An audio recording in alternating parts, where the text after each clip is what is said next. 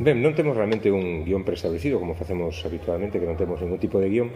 Eh, pero a idea é falar obviamente tanto de, da fantasía de, do Basilius como de Fernando como escritor e eh, tamén un poquinho pois da fantasía en, en xeral. Eh, eu coñecín a Fernando pois hai xa uns cantos anos nunha feira do libro da Coruña cando el xa estaba, estaba promocionando o Basilius o primeiro volume dos Basilius naquel momento E ademais estaba comezando con Tomás un proxecto dunha revista que se chamaba Contos Extraños, que se chama Contos Extraños, e que pretendía e pretende pois dar visibilidade á xente que non tiña posibilidades de publicar os seus relatos e desta maneira pois en Contos Extraños pois tiña unha porta aberta para para aportar, non? Eses relatos relatos de fantasía, de fantasía, de ciencia ficción, de misterio e de terror, porque a, a idea de Contos Extraños sempre foi facer unha fantasía para o sector friki, para un sector adulto. ¿no? Obviamente, bueno, despois tiveron todo tipo de público, desde a rapazada, mocidade, adolescencia, a persoas adultas, pero en este caso concreto, por exemplo, o, o Basilius, que está encadrado dentro que podíamos chamar a LIX, a literatura infantil e juvenil, eu penso que sí, obviamente o público target do Basilius é eh, un público juvenil, pero a, a densidade, a complexidade e o trasfondo de fantasía que ten o Basilius eh, ten un calado que vai moito máis alá que o que podría ser un público juvenil o uso ou un público juvenil non moi exixente. Obviamente o tema de falar de literatura juvenil ou de público juvenil é sempre un pouco eh, surrealista porque a comprensión lectora de cada persoa é un mundo totalmente diferente e hai xente que con 13 anos devora historias increíblemente complexas e hai xente que con 17 anos non sabe nin ler un Jerónimo Stilton non? Entón, claro, a comprensión lectora é un mundo particular de cada, de cada persoa. Eh, estamos a, imos falar, el vai falar, eh, eu interromperei, no, vos podedes interrumpir as veces que queirades, eh, imos falar concretamente do, do Basilius e da, da fantasía que hai detrás del. Gustaríame que Fernando tamén vos des así uns cantos spoilers, unhas cantas explicacións de toda a documentación ou de todo o trasfondo que el tiña na mente cando creou o Basilius porque no Basilius hai influencias de moitísimo tipo eu penso que Fernando aí botou tanto o seu pasado comiquero como o seu pasado de cine como o seu pasado mesmo de, de, de calquera tipo non? de, de inquedanza que ti tiñas o que a ti gustaba de, bueno, hai tamén bastante mitoloxía non sei se a mitoloxía egipcia ou babilónica foi algo que che gustou ou que pudo aportar no Basilius algunhas claves pero bueno, falános un pouco tamén. Digo porque estes días tamén estamos falando moito de mitoloxía, non? de mitos. Xan Eguía onte fixo unha deconstrucción brutal de, de Matrix, de Star Wars e de Alien comparando cos mitos non? E, eh, e a mitoloxía artúrica e, o camiño do herói e todo iso e, foi espectacular entón, pois, bueno, por seguir como un fío conductor destas charlas que tivemos tres días tamén gustaría que, que Fernando nos contase un pouco de, do que el amasou non? e meteu no forno despois para sacar o, o Basilius en calquera caso tampouco a nosa idea, ou por menos a miña é, centrarnos única exclusivamente no Basilius, senón aperturar un pouco tanto a que foi a experiencia e o traballo de, de Fernando como figura, como escritor en xeral, eh, e do que el que irá aportar e do que vos queirades preguntar. Sí, non, non considero unha presentación de Basilius, Basilius xa ten xa é de 2011, co cal imos dar unhas pinceladas, imos falar de literatura fantástica, que vinculación ten Basilios con isto, e un entón pouco. O que comentabas ti do Delix é moi curioso o tema, non? Da literatura infantil juvenil. A verdade que é unha clasificación, ao fin ao cabo, unha clasificación que fan as editoras, porque onde está o punto no que a literatura deixa de ser infantil, se converte en juvenil por chamar de outro xeito, de juvenil pasa a adulta. É unha transición que é unha liña imaginaria que as editoras crearon porque ti cando colocas un libro nunha estantería nun andel colocas por xéneros, colocas por idades, colocas por temáticas, e tamén é moi cómodo para as editoras clasificar por idades. É certo que hai unha diferenciación clara entre a literatura infantil xa enfocada a nenos, pero os nenos deixan de ser nenos relativamente pronto, quero dicir, a partir de 13 anos, mm, 14 incluso, eu lembro as miñas primeiras lecturas con 14 anos, non sei por que ten que existir unha literatura juvenil quizáis para enfocar a cara as escolas, cara aos medios sí. Eh, é eh, unha tontería porque a comprensión lectora dun neno de 14 anos eh, pode ser a mesma que un de 18 ou a mesma que un de 10 aí é todo completamente relativo é unha liña divisoria, xa te digo imaginaria Eso, por unha banda, proporciona eh, a vantaxe non? de que a hora de vender, de vender nos institutos, de enfocar a LIX, de xerar unha LIX, eh, económicamente considero que empresarialmente eh, é máis cómodo pero como ten para min un arma de dobre fío porque aínda que é máis cómodo economicamente ou, ou máis viable empresarialmente non é bo, non, non é bo diferenciar iso polo xeito polo feito de que de que hai moita xente que rexeita a literatura infantil e juvenil, sobre todo, porque di que para adolescentes. Sí. E non ten que ver, non ten que ver. E quizáis tratas outras temáticas, quizáis, quizáis poida ser máis lixeira, está moi vinculada á fantasía, que iso é xa outro tema que tratamos. É certo que hai moita literatura juvenil que é fantástica, pero a fantasía non é eminentemente juvenil, non ten, non ten que ver. Eh, hai moita denostación ca fantasía, eh, eu sempre poño o mesmo exemplo, eh, soño dunha noite de verán é fantasía. Mm, ninguén se ocurre dicir que Shakespeare é unha obra mala.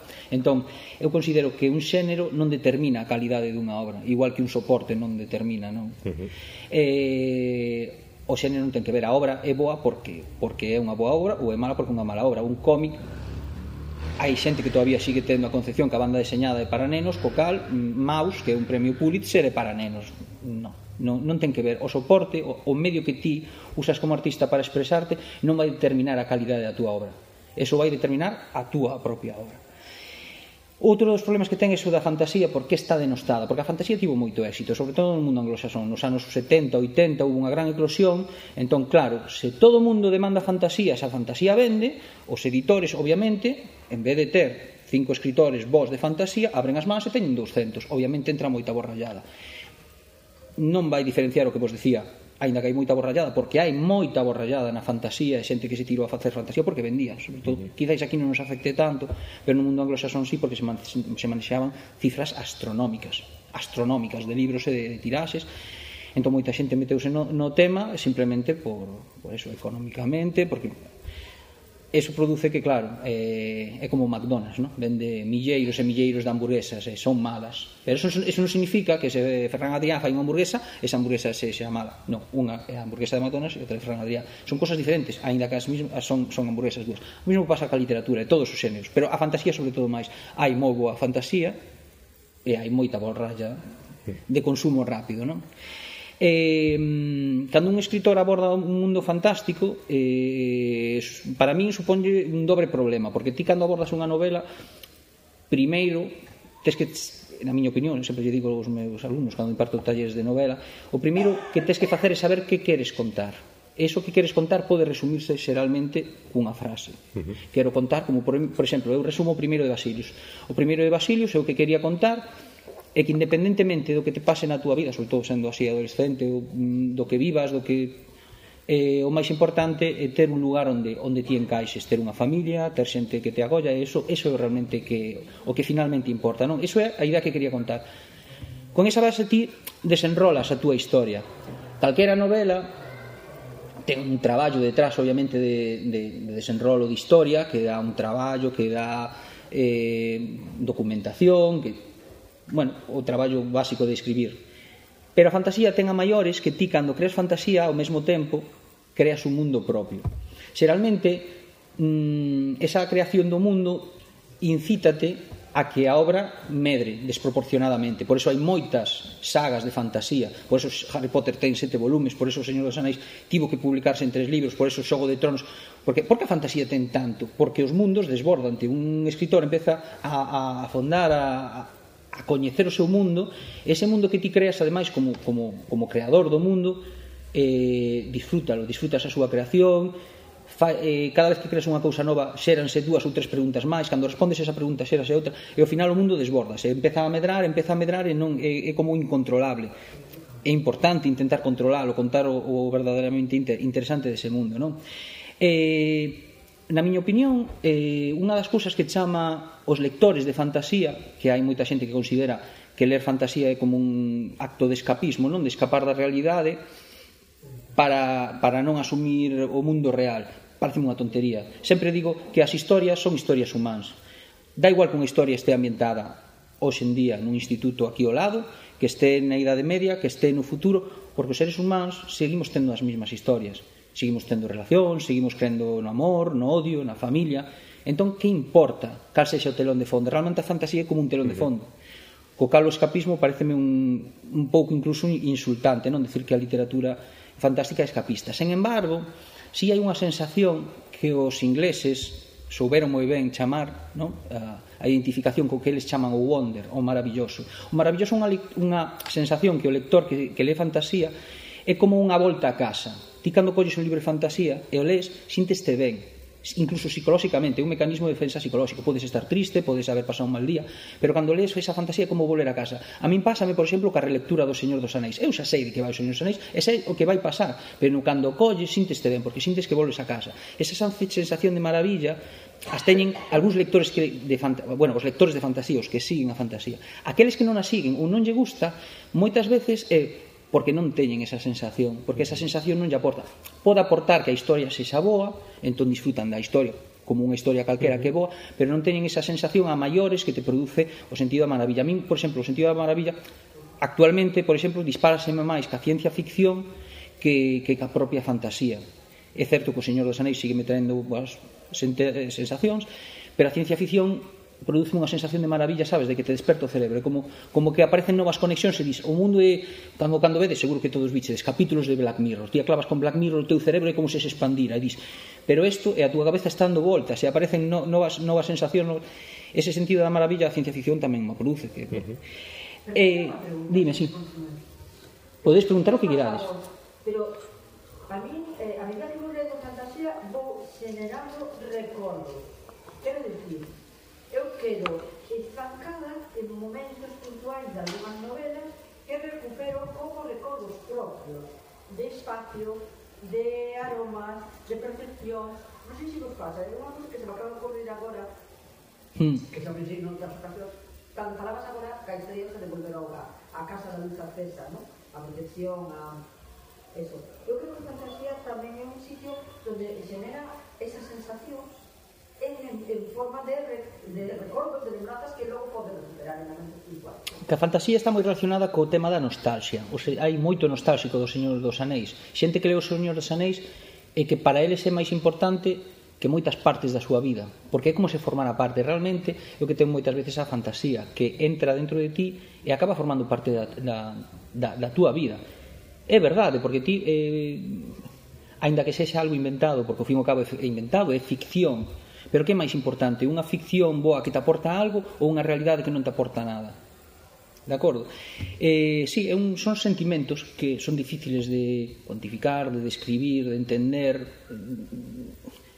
Eh, que sentimos cando comemos un salmón a plancha? Pois da igual o que expliques, como salmón a plancha disfruta e síntimo interiormente. Non fai falta cuantificar todo, escribilo e, eh, catalogalo, máis que nada porque cuantificar ese tipo de cousas ou catalogalas é, é complicado. Entón, se o sintes, se o disfrutas é o importante, non? Por eso os seguidores de, da fantasía pois pois eh, afondan niso. Un tema relacionado con isto, eh, comentábame Maite que o ano pasado tivechedes aquí eh, exposición de Xogo de Tronos.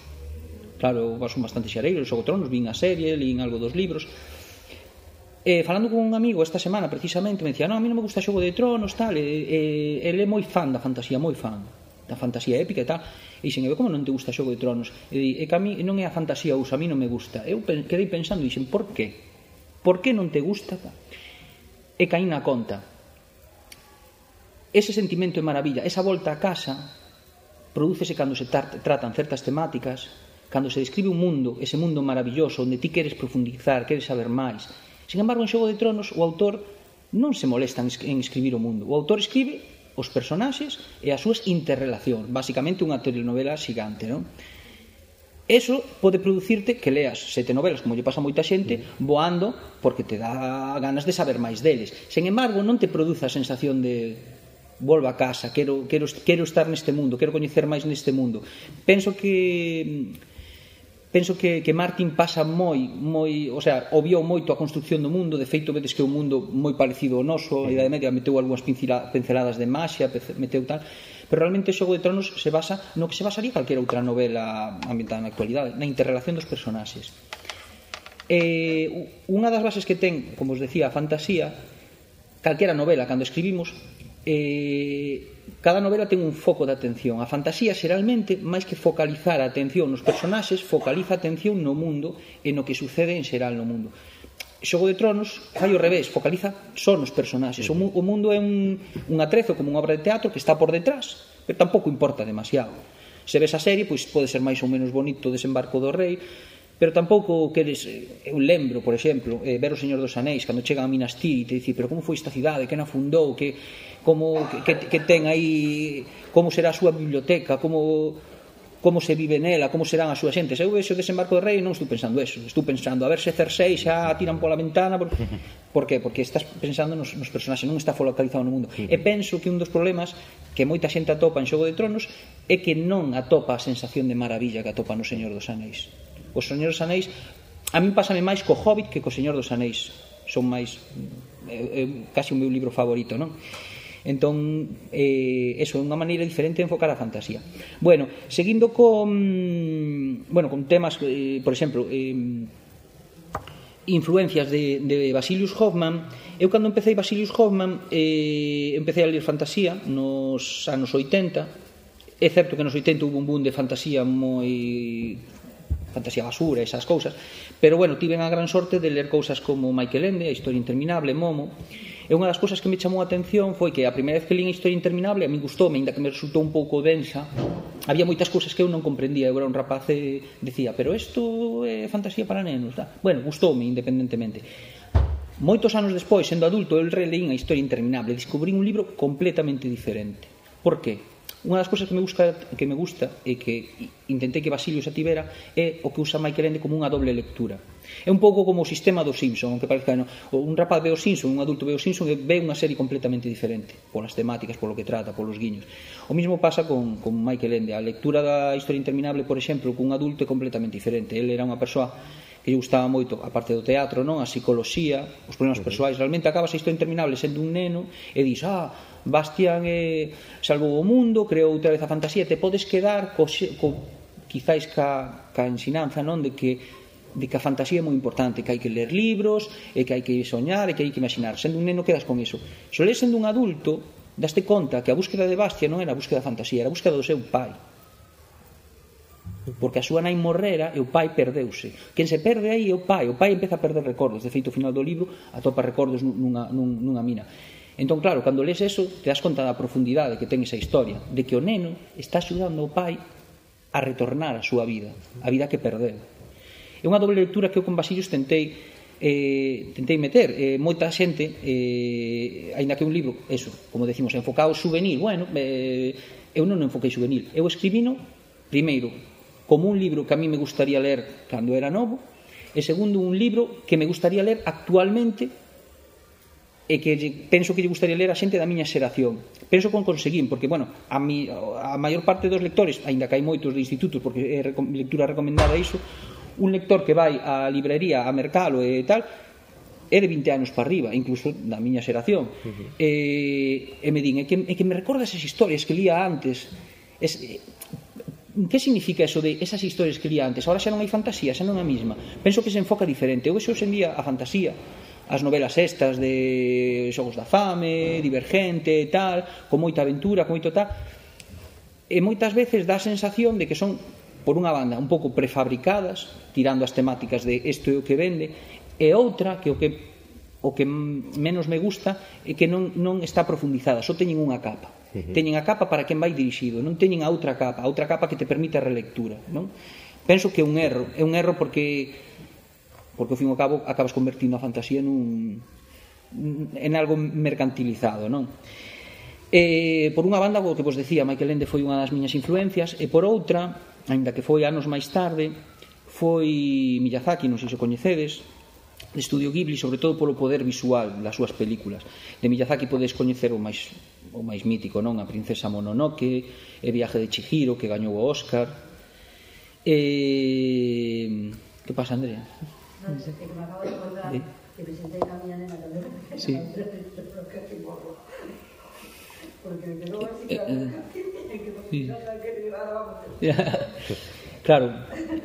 é o que nos claro, moitas veces pensamos que os ser de buxo son para nenos, pero non, non é moi para, non, Mononoke é moi dura, moi Mononoke é moi dura. Moi dura. Sí, porque eh Miyazaki trata eso, unha das temáticas das que trata Miyazaki, casi toda a súa obra xira en torno a eso, é o uso da tecnoloxía dunha maneira eh, honesta, dunha boa maneira, digamos, non, non, non, podem, non o abuso da tecnoloxía, senón usada o servizo do home, do ser humano, non como un mecanismo que nos poida destruir.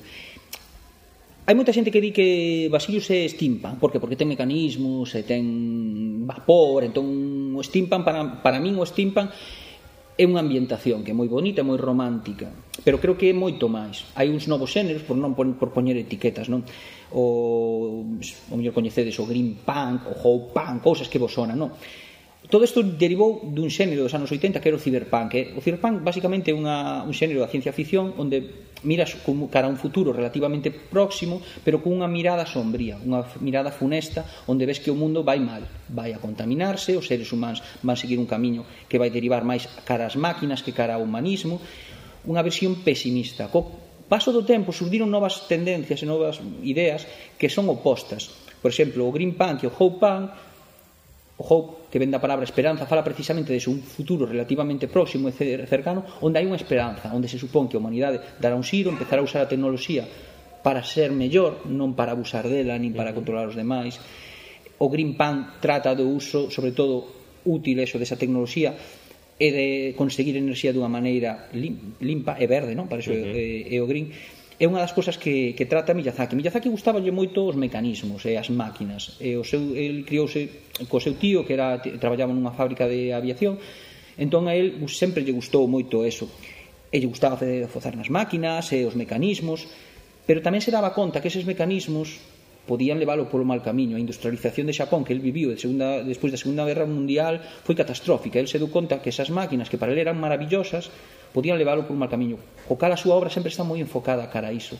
El cree nun mundo natural, nun mundo humán, pero tamén cree nas máquinas, cree que o uso da, da maquinaria e da tecnoloxía pode facernos mellores se a sabemos, se a sabemos usar, non? Por eso creo que Basillos, aínda que ten elementos eh, steampunk, non son solamente por iso. Non? Eh, unha das cousas que cando plantexei Basilius Hoffman eh, non é que o fixera mantenta, pero si sí algo interesante. O sei que eh, temos aquí a exposición de Harry Potter, sí que ten certas similitudes. A xente a veces me pregunta, ah, Basilio Hoffman, eso é como Harry Potter, non, Harry Potter galego, eh, bueno, se vende na metade xa me chejada.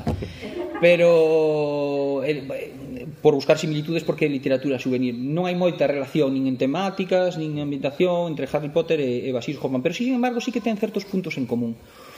Un dos puntos eh, en común que a mí me gusta, eh, penso que foi un dos acertos de, de Rowling cara a creación de Harry Potter, é eh, a evolución gradual das novelas. É dicir, o primeiro libro é o menos adulto, e a medida que os lectores medraban, os libros medraban co propio lector. Non só medraban os libros, senón medraba o protagonista.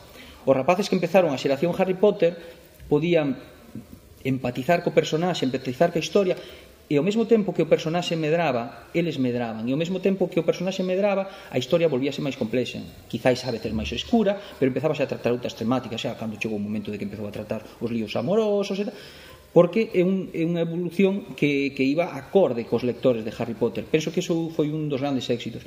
E aínda que non o fixen a mantenta, é certo, Basil Homan de momento ten tres volumes E o que estou facendo é o, o un dos protagonistas, Peter, que é o rapaz, en cada volume vai medrando, empeza con 12 anos, logo con 13, logo con 14, quero rematar, pois é como unha, un, o camiño do heroe, non? Uh -huh. Que falamos, pero cunha volta de torca. Ese non é un camiño do heroe, é o camiño dunha persoa, dunha persoa que deixa de ser un neno que é un, unha das temáticas que trato o primeiro de Basilius Hoffman, o gran problema que ten o protagonista, non o protagonista como, bueno, Harry Potter quizáis non, pero outros protagonistas que sempre son valentes, afoutados e que tiran para diante, non, a verdade é que Peter é un desastre, absoluto, absoluto. Non é orfo, que moitos protagonistas son orfos, como Harry Potter, porque é máis cómodo para o autor que sexa orfo, así o rapaz fai o que lle peta, non, os seus ten pais, eh, e de feito son multimillonarios compran, mercan o que queren e tal. O problema é que non lle dan esa estabilidade, esa familia, ese, ese Entón el leva como un retraso de madurez. Entón, a ese camiño do, do herói que Peter eh, ten que pasar non é un camiño, aínda que hai moitas aventuras, criaturas, cousas maravillosas, pero realmente o camiño, o forte, non foi loitar contra todo eso, descubrir eses misterios e tal, non. O, re, o verdadeiro camiño que recorreu Peter foi o de madurar, o de deixar de ser un neno e convertirse nun adulto. E de eso precisamente trata a súa evolución como personaxe. Basilio Hoffman ten dous personaxes ten un personaxe dual, non? como podría ser o Quijote uh -huh. O Quijote realmente non sei por que se chama o Quijote, debería chamarse Sancho, porque realmente é o protagonista da historia. Pero ten un protagonista dual. Eso sí que o fixen a mantenta. Penso que os le... eu moitas veces lle pregunto aos nenos, que é o seu, protago... o seu personaxe favorito? Afortunadamente, moitos din personaxes secundarios, porque eu procuro tratar el, eh, traballar personaxes secundarios para que teñan moita forza E hai xente que a mí me dá igual os protagonistas, eu quero saber deste, son superfans, e quero que saian os libros, e son... Por exemplo, en Harry Potter, cando lle preguntas, xeralmente a xente o di ou Harry Potter ou os outros non. Hermión pode que as rapazas se, se sintan máis identificadas. Non é un non é que sexa en Harry Potter un personaxe un trío, non, porque realmente o protagonista é Harry Potter, a historia xira en torno a él. Sin embargo, aquí, pese a ser o mundo secreto de Basilius Hoffman, Basilius é o seu tío. Basilius é unha persoa maior, o seu percorrido non o mismo que Peter. De feito, Basilius non medra, quero decir, pasan os anos, pero o personaxe como se se mantivera igual, o que medra é Peter. Entón, Basilius produce a estabilidade na historia, mentres que o cambio o produce Peter. Eh, Esta evolución gradual, bueno, mm, é precisamente do que trata a historia, non? Da, da madurez, e como di ao final do primeiro libro, non? Non é, non é que sexa un spoiler, dá igual as aventuras que vivas, dá igual as cousas asombrosas, os mundos maravillosos que visites. O final o que realmente importa é atopar o teu verdadeiro lugar xunto ás persoas que queres estar, non? E, mm, e vinculando tamén con non co señor David Joy, porque non ten que ver, pero co señor Alan Moore, unha das cousas que me eu son moi fan de Alan Moore Quero dicir, Alan Moore non, non é un gran escritor de novelas, non o é, non o é un gran escritor de, de guións, porque des, desenrolar un guión non é o mismo que desenrolar unha novela. Sen embargo, eh, si ten un punto, eu penso que moito do éxito que ten Alan Moore, que eu tento ao mesmo tempo imitar, é que Alan Moore, a diferenza de outros escritores ou de outra xente que lee moitas historias e que di eu quero facer unha boa historia disto, eh, igual que esta ou como esta pero millor no Alamur distanciase. Eh, observa o xénero observa todas as pezas que compoñen un xénero as destrue de construcción non? E as volve a unir de diferentes maneiras. Por exemplo, un dos, dos claros exemplos é Watchmen. Cando sacou Watchmen era un cómic de superheróis. Na época dos 80 os cómics de superheróis era bueno, a exaltación do, do superhumán e do, do ser superior. Os superheróis eran vos, os superheróis salvaban o mundo, loitaban contra o mal, eran o millor. E Alan Moore dixo, os superheróis son persoas. E todos cometemos erros. E todos temos un lado oscuro. E todos, eh, ao longo da nosa vida, pasamos por cousas malas. E por moito superherói que sexa, Se ti tes algo forte, eu que sei, pasa algo na túa vida, a perda dun familiar ou tal, el vai sufrir igual, por moito que poida, por moi forte que sexa. El deulle un xiro o xénero superheróis e sacou unha novela como Watchmen onde se analiza o xénero dende un punto de vista eso, completamente é case como unha meta historia non? Eh, onde nos mostra o lado dos superheróis como, como seres humanos como seres humanos que sufren como os demais que padecen eh, que sufren a, a presión mediática. Bueno, hoxendía non sei se vichedes unha serie moi boa, recoméndola, The Voice, que saiu fai pouco. The Voice tamén ten unha mirada crítica cara aos superheróis, cara, cara digamos, o, o, o, o feito de que porque unha persoa teña poder non lle dá dereito a usalo. Por exemplo, o típico claso de son Superman, son superpoderoso, vou tal, entón teño que salvar o mundo, vou exercer a miña justicia. Vale, eso significa que como ti tes poder podes usalo. Co cal, se eu agora teño o meu exército persoal con armas, como teño poder, teño dereito a usalo, tes o mesmo dereito. De acordo? De feito, os superheróis que non teñen poderes. Batman non ten poderes, que ten Batman? Cachivaches, armas, non sei que. Eso te dá poder. E que entón, por esa regra de tres, calqueira podemos armarnos temos poder e temos dereito a usar a justicia, facer a nosa propia justicia ou ir polo mundo de, de justicieiro, non? que é unha das palabras, un sinónimo dos superheróis. Eh, Alan Moore fixo eso con con moitos xéneros, fixo co, co superheróis, deulle unha volta de torca a, con Frongel, por exemplo, a, o caso de Jaco Destripador, co, co análise que fixo. É certo que el mete os seus elementos que lle gustan da psicomaxia, de, bueno, foise xa Perola moi fai moitos anos, o pobre, pero pero sigue sendo unha persoa moi interesante. é pois. verdad, foise, foise totalmente. Alamur é un tipo que vive na campiña inglesa que polas noites sai ca muller en pelotas a facer rituais druídicos. Pero é feliz. É feliz, xa está, exactamente, viva Espe, a tua vida. Esperemos que a muller tamén o sexa, porque... Como se suele decir, mientras no la haga... Nada, yo a los demás, es, exactamente. De Q, sí, Smith. Antes el que no Gable tenía aterrorizado los de mí. También Smith. Porque llenaba por salir al internet. Bueno, a ver, Smith, eh, Smith mete miedo. O sea, claro, Smith mete miedo, pero sí. No, pero claro, no, a ver, ten cara de gustar y meter miedo, ¿eh? O sea, tampoco. Pues, es Smith, sí. No, digo que ah. A mí me gusta Smith. eh, e, e tema, tema religioso, mitolóxico ou tal? Ah, mitolóxico, algo? sí, sí, non? Sí, eh, eh, un, o que eu quería conseguir creando o mundo de Basís ou, ou como quería conseguilo ou como considero que se pode despertar esa sensación de, da maravilla, non? Que era un dos meus intereses. Eu quero que os lectores, cando les, lean Basilius, esperte esa maravilla. Analicei, busquei trucos, por exemplo, o Señor dos Anéis está moi distanciado da nosa realidade, pero sen embargo Harry Potter é moi próximo. Harry Potter é no mundo real.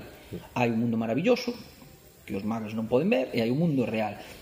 Eu quería eh, con Basilius facer un pouco iso. Basilius, aínda que está mm, en teoría non sabemos en que época está ambientado, hmm. non damos referencias aínda que supós que é actual, pode ser actual, como pode ser sí, fai 10 anos. Ni siquiera automóviles, nin... Sí, sí, iba bueno, a usted un Cadillac, de feito. Bueno, verdad, sí, home. Sí, hai automóviles en cidades. Sí, pero tampouco lle pos, sí, tampouco lle pos unha, unha data concreta. No, non hai unha data concreta. Se fala de certas cousas, como que Basillos, por exemplo, non ten tele na súa casa, porque ten biblioteca, non precisa tele.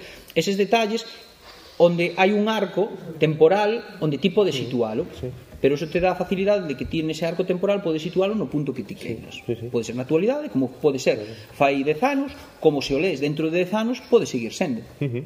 de acordo?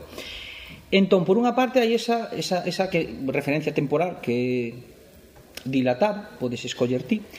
Unha referencia eh, espacial que tampouco existe, mm, el te describe unha cidade que pode ser calquera cidade do mundo, realmente hai xente que di non, é Londres, eu ningún sitio dixe que era Londres, non, é, pode estar en Europa, sí que pode haber certa referencia que penses que pode ser unha cidade europea, sí.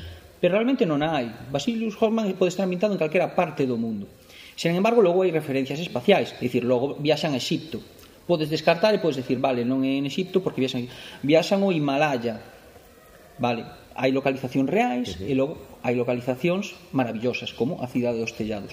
Por unha hai tres elementos, o real, o imaginado por min e a mitoloxía. Uh -huh. E con eses tres elementos foron, foron cos que concebín o mundo e co que pensei que se podía despertar o mundo maravilloso. Por exemplo, Tolkien, pese a estar eh, moi distanciado o mundo do Señor dos Anéis con oso, porque ti non tes por que porque te empatizar nin, nin sentirte na casa eh, lendo sobre a comarca ou sobre hobbits, porque non ten nada que ver con o noso mundo. Si tiña que ver co de Tolkien, co desexo de a recuperación do imperio perdido, ca típica vida inglesa coidando a horta, bebe fumando en pipa, ese, ese tipo de cousas. E ao mesmo tempo, eh, o mundo de Tolkien realmente non é un mundo que surdiu de cero. Tolkien era un estudioso da mitoloxía. E o seu mundo é unha evolución mitolóxica do mundo da mitoloxía nórdica, do mundo anglosaxón. A ver, eh, vin a película, por certo, de Tolkien a semana pasada, que non a, non a había visto, hai unha escena onde onde onde vai ca moza a ver o anillo dos nivelungos e un anillo máxico que controla tal e el que, oh, sí, obviamente as cousas non surden da nada todo, hai chispas, hai como, como decía decía el, non? que as súas historias surden dunha semente que se lle queda na cabeza e que co paso do tempo, alimentándose do humus da súa mente, acaba medrando. Ese día que foi a ópera e viu, non chegou a ver, de feito, o Anillo dos Nivelumus, non tiña cartos para pagala, Entón, bueno, sinto spoiler, pero bueno. pero quedoulle esa idea, esa idea que o paso do tempo, quizáis 20, 30 ou 40 anos, acabou medrando no Señor dos Anéis, non? Pero esa, esa mitoloxía que metía Tolkien e que daba unha volta de torca, remozaba, facía, facía propia, sí que axudaba a despertar ese, ese sentido maravilloso, non? Eu cando fago, cando escribín Basilius, pensaba que eses elementos mitolóxicos reais como dicías ti, son recordos que xa temos, son cosas interiorizadas e nos fan sentir ben, pero ao mesmo tempo son diferentes, enfócalas diferentes, e ademais hai elementos propios, por eso te digo, hai o real, o imaginado por min, e a parte mitolóxica, como tres elementos para intentar crear algo novo e que te desperte reminiscencias de eso, dun, de ese pasado, de ese, de ese lugar maravilloso onde, onde a todos nos gusta estar, onde nos, nos sentimos ben, non? Uh -huh. histórico, hay varias, se puede dominar de varias maneras, igual otro cine. Más bien a ti te llamaría más la atención más eh, tirando ao histórico, ¿no? La fantasía histórica. Historia te refires a usar eh, elementos reais da historia, non? Eh, sí, máis bien, como eh, te refieres tanto a Tolkien, máis bien en plan máis tirando... Eh, eu, eu elementos históricos usei... Turista, tal, eu usei algúns elementos históricos porque considero que, que axudan a ver o similitude da historia eh, axudan na suspensión da, da incredulidade, non? Ese pacto que temos co lector. Ti cando escribes unha novela, faz un pacto co lector, o lector colla a novela e di, todo isto é mentira, pero acepto esta mentira. Por que? Porque quero pasar ben, porque quero disfrutala. É o que se chama o pacto co lector. Ese pacto é fino, hai que hai que fiar moi fino incluso na fantasía, porque hai xente que di como é fantasía podo facer todo, non, cuidado se rompes ese pacto, o lector non lle vai gustar a historia se o teu personaxe non pode voar no medio da historia que por un barranco e de repente se pon a voar o lector vai se sentir defraudado é tipo de decirle que fantasía Vale, pero hai unhas normas, independentemente diso, non? Entón, eh, creo que ese pacto eh, é máis sólido cando hai elementos reais. Un dos elementos reais, por exemplo, é que a viaxe a Egipto hai mitoloxía egipcia Hai un viaxe ao Cairo, hai un viaxe ao Himalaya, hai un personaxe moi importante que como é o cartógrafo que está relacionado, por exemplo, ca batalla de Leningrado. Sí, E hai, bueno, hai varios elementos así históricos, pinceladas eh, o terceiro libro, a batalla por Avalon, está máis centrado en Avalon, non? aínda que todos hai a sociedade de Avalon, está moi ligado a o ciclo, o ciclo Pendragon, o rei Artur, o retorno do rei, que tamén é unha aínda que aínda que nos recorda o Señor dos Anéis, non? O retorno do, do rei, que é a última, cando retorna a Aragón e tal realmente o retorno do rei é a reminiscencia do retorno do rei Artur o rei Artur se supón que non morreu o rei Artur está na illa máxica de Avalon nun soño que non é eterno, nun soño no que retornará. E cando el retorne, devolverá a Inglaterra a súa, ou a Britania a súa gran a súa grandeza. Okay. Entón ese retorno do rei, esa espera, non? eh, está moi vinculada a moitísimas cousas, a religión, a, a religión católica, o retorno do Salvador, o retorno do Mesías, sempre é, o ser humano ten, ten esa necesidade de que vai al ben, basicamente, un pouco non sei decir triste ou cómodo, non? De vai vir un tío superpoderoso e nos vai arranxar todo, en plan, non, tío. O mundo é o que hai, apanda con el e traballa ti nel. Non espero, non, que vai un día o Mesías volverá e nos vai salvar a todos. Si, sí, eh, algunha secta destas virá un virá un ovni e nos levará a Raticulín. Eh, Pero bueno, son os mitos que se repiten ao largo de, da historia e se repiten ao largo de, das civilizacións, igual que, que o mito da Atlántida é o mesmo que eh, a Arca de Noé, no, o Gran Diluvio, ven sendo mismo unha catástrofe grande. E todas as, as culturas teñen ese, ese mismo tipo de, de mito e de lenda que forma parte do noso imaginario, do noso interior, e que usadas en certas historias ou de certa maneira axuda eso a despertar o, o maravilloso é facerte sentir que, que este mundo dice, por que me parece realista? porque xa te tes interiorizado, porque son cousas das que escoitaches falar, cousas que, que non son completamente fantásticas, non? Non, de feito, moitas veces eh, facendo uso deses recursos ben históricos ou ben de realidades paralelas facendo uso do real das máis potencia o imaginario non? Eh, de unha maneira tamén o lector das un soporte como comenta el, se fixésemos unha novela de fantasía 100% imaginada, eh, aí é moi complicado Eh. de feito me estarías falando máis casi de ciencia ficción non? porque estarías falando de unha cousa totalmente inventada non, non, no, total, no, no, o revés, o revés. Revés a ciencia ficción, no caso de que queiras eh, englobala dentro dun punto fantástico a diferencia é que na fantasía ti non das unha explicación racional aos feitos tampouco nos interesa o que buscas na fantasía non é explicar feitos racionais uh -huh. é despertar certas sensacións, ese, certos sentimentos. Na ciencia ficción, na miña opinión, non? A ciencia ficción debería facer un esforzo real por explicar as cousas de forma pausible, de forma real. Por exemplo, eu sempre digo, e os viaxes no tempo non forman parte da ciencia ficción, porque físicamente, cos coñecementos que temos hoxe en día en física, non é posible viaxar atrás no tempo, non ten ningún sentido a nivel físico. Por que se acepta a viaxe do tempo como parte da ciencia ficción? Pois simplemente pola convención de que H.G. Wells era un escritor de ciencia ficción, escribiu a máquina do tempo, e como homenaxe é algo que aceptamos. Para min, ciencia ficción podía ser, por exemplo, un tema que trate sobre a clonación humana, porque é plausible. Quizáis hoxe en día sexa moi difícil, ou incluso descabellado pensalo, bueno, a clonación humana non é tan se queren facelo ou fan pero é algo pausible, algo que podes creer como real, non é fantástico, non é fantástico. A ciencia ficción debería facer ou un escritor de ciencia ficción ten que facer un esforzo en que a súa historia sexa pausible, teña unha base sólida ou polo menos o máis sólida posible a nivel a nivel eh científico, non? Uh -huh. Eh, se ti me dis que hai unha nave espacial que viaxa a Xúpiter e que chega a Xúpiter e atopa, bueno, 2001, por exemplo, Podo creerme agora, se me dixen unha nave que viaxa máis alá da velocidade da luz, en plan, non, as velocidades eh, hiperlumínicas non poden ser aceptadas. Búscame outra explicación. A través do hiperespacio non hai nada que... O hiperespacio é unha palabra moi bonita, pero non significa nada a nivel tecnolóxico. Son trucos Orson Scott Card ten unha novela, bueno, non unha novela, é un ensaio que o linde como, como escribir ciencia ficción, e dicía, hai os trucos que todos aceptamos, intenta evitalo sempre que poidas, porque dices, é que quero facer unha viaxe entre dous mundos que están moi distanciados, que uso? Se queres ser un moi pro e tal, pois unha, pois unha nave xeracional, que son unha nave onde as xeracións van pasando e a xente nace e morre pasa moito tempo. A velocidade da luz, pois, non, non é, é difícil que a vaya a superar, basicamente.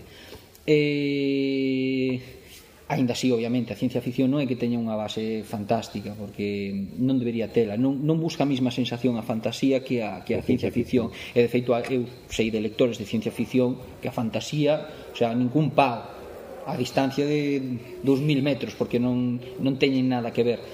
Ainda que ambos se consideren xéneros fantásticos, non? Pero bueno. Uh -huh.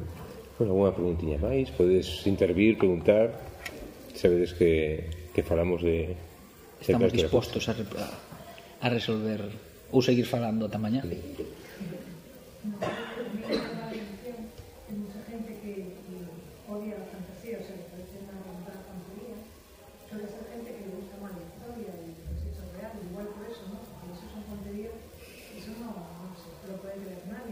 Sí. Es algo que yo no comparto porque a mí me gusta mucho, pero, pero nada, o sea, mm.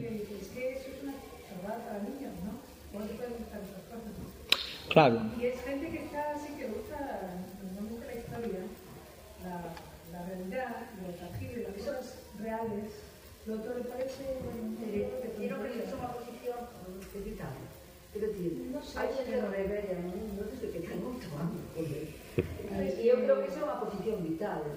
É dicir, eh, incluso creo que é unha negativa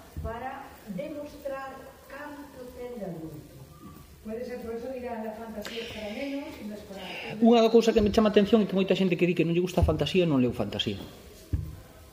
Sabe cousas que escoitou o que alguén lle contou. A mí non me interesan esas historias. E hai moita xente que non lle gusta a fantasía, empeza a ler fantasía, non, este libro, e ao final lle gusta. É como un prato de comida, se non o probas, non, non a mí isto non me gusta, proba -o. Se non te gusta, o mundo é moi grande, pois leo que te gusta a mí eh, parece un pouco ridículo no mundo da música, por exemplo, é moi curioso como a mí como me gusta este grupo, odio a este, en plan, se te gusta este grupo, independentemente que odies ese, que te gusta este grupo, escoitas este grupo e os demais vivir a súa vida. É que é unha merda, pois é unha merda, non escoites, pero por que tes que dicilo, por que tes que, que sinalar ou, ou meter, sabes? Pois igual, cos xenos, se, se te gusta a novela histórica, pois lee novela histórica, que a fantasía me parece, que a ti te pareza... Que eso me llama a atención, non uh -huh. Bueno, porque o ser, o ser humano sempre está buscando posicións de superioridade.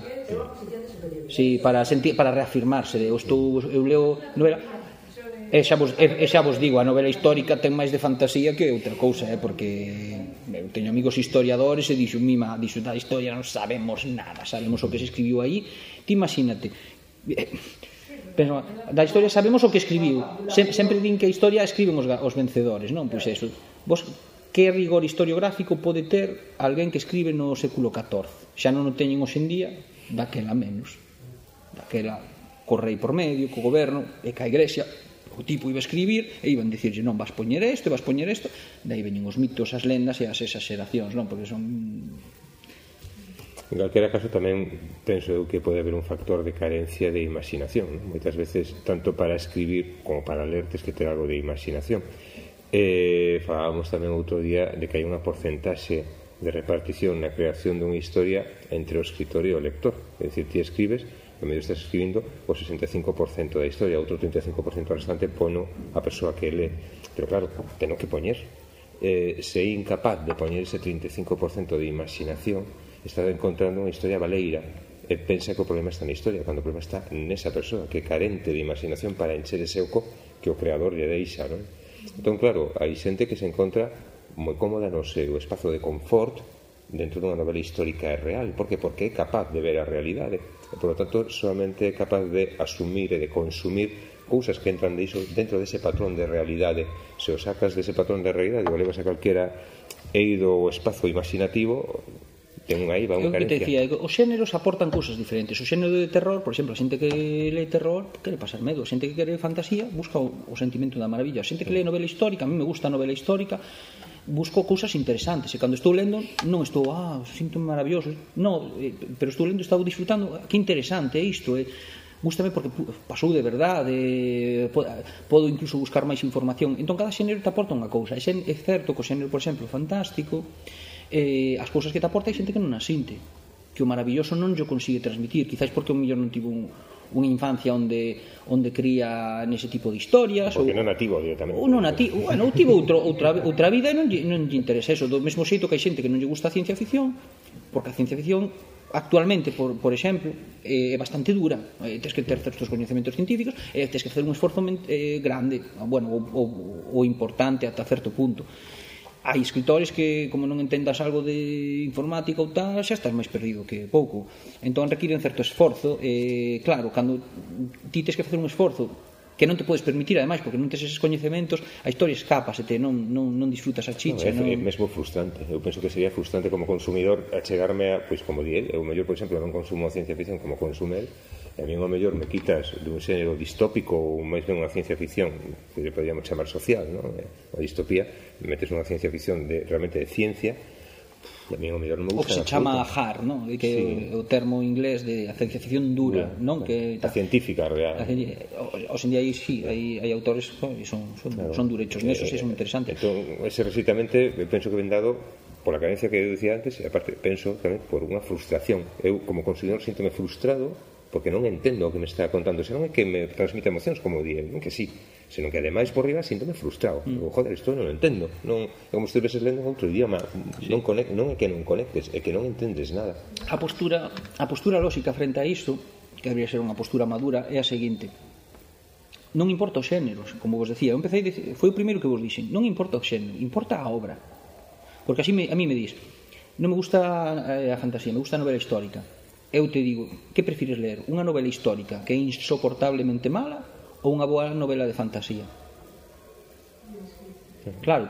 Entón, non é, o xénero non vai facer a calidade. Cada xénero aporta cousas diferentes. A postura lóxica é busca boas obras e disfruta de cada xénero independentemente do que xénero te vai a aportar. Así podes disfrutar de todo e vivir feliz e non ser un hater da vida. e non dar por saco. Eso, redes sociais. Eso sí, teñen que desfogar. Realmente te gusta leer lo que te, realmente lo que decía busca buenas obras, no busques buenos géneros, no hay géneros buenos, hay obras buenas. A ti le gusta leer, coger un buen libro y no ponerte a pensar, ponértelo a leer y disfrutar de lo que estás leyendo, al menos yo personalmente. Exacto. Exactamente. Tanto da que sea histórico, fantástico... O de Exactamente. Que sea. O que hai que buscar son boas obras, non, non bons xéneros, porque non existe un xénero bo. Non é un xénero, non, os xéneros non, non definen o que sexa bo ou non sexa bo. Lo que te apetece en el momento... E ao, fin, e ao final todas as historias son as mismas realmente, porque as historias están de personaxes, e os personaxes seguimos sendo os mesmos, como vos decía. Hai un libro, non sei se coñecedes, Mono Desnudo, de Desmond Norris, que viña a decir o mesmo, en plan, O ser humano non cambiou tanto, ten casas, ten roupa, ten tecnoloxía, pero sigue buscando o mismo. A estabilidade, unha familia, a protección, o cariño, o amor, e o, e, evitar enfermidade, evitar a dor. Eso pasou o ser humano fai 100.000 anos e sigue pasando sen día. E por pouco nos poñamos roupa seguindo sendo os, os mismos. Creamos convencións sociais, é certo, pero son artificiais. E cando vemos outra cultura que non entendemos a súa convención, o sea, o seu invento social, consideramos estos están todos, por que fan iso? O etnocentrismo, non? En plan de, como eu non o comprendo, non ten sentido. Eles crearon iso, ti creaches outra cousa. Quen dos dous ten razón? Pois probablemente ningún, porque a natureza non creou iso. É unha convención social que establecemos. Sí obviamente, na miña opinión, por exemplo, pois sí existen unhas reglas básicas, pero esas reglas básicas establecen a, a propia natureza, o dereito á liberdade, o dereito á vida, esas, esas cousas. Se ti inventas unha sociedade onde a xente non ten dereito á liberdade ou non ten dereito á vida ou unha vida digna, eso vai en contra da propia natureza. Entón, esas convencións sociais sí que son as que hai que evitar. As demais, que, bueno, hai que facelas para convivir, que o mundo é cada vez máis complexo, hai máis xente, hai máis problemas, eh, fannos creer de que vostedes a solución nas mans, non, non temos a solución nas mans. Nós temos a solución de baterlle no cu a quenes teñen a solución que realmente. A mí por moito que me digan, "Oh, hai que reciclar, non contamines". Se hai un tipo en China que ten 100 fábricas, está lanzando azufre ao ceo, como un bestia non lle podo facer nada. É porque porque non consuma cápsulas de café, non vou evitar iso. O que hai que facer é evitar iso. Entón é, é un pouco as barricadas, non, non vou sacar aquí a bandeira para lanzarvos o, o combate, pero é que iso, é que nos crean incluso a ilusión de que nos podemos cambiar o mundo e E podemos facelo, pero non do xeito que nos din. Bueno, se queres preguntar algo máis, senón fechamos porque eu ás oito media traballo en Compostela. bueno, pois se non tedes nada máis, pois nada, moitísimas grazas por, por vir, por aguantarnos esta, esta conversa. Ás oito sí, ainda temos outra máis. Grazas por estar aquí porque sí. senón falábamos para, para as cadeiras. Para nós, que estaríamos así. Bueno, pois moitas grazas. Vale.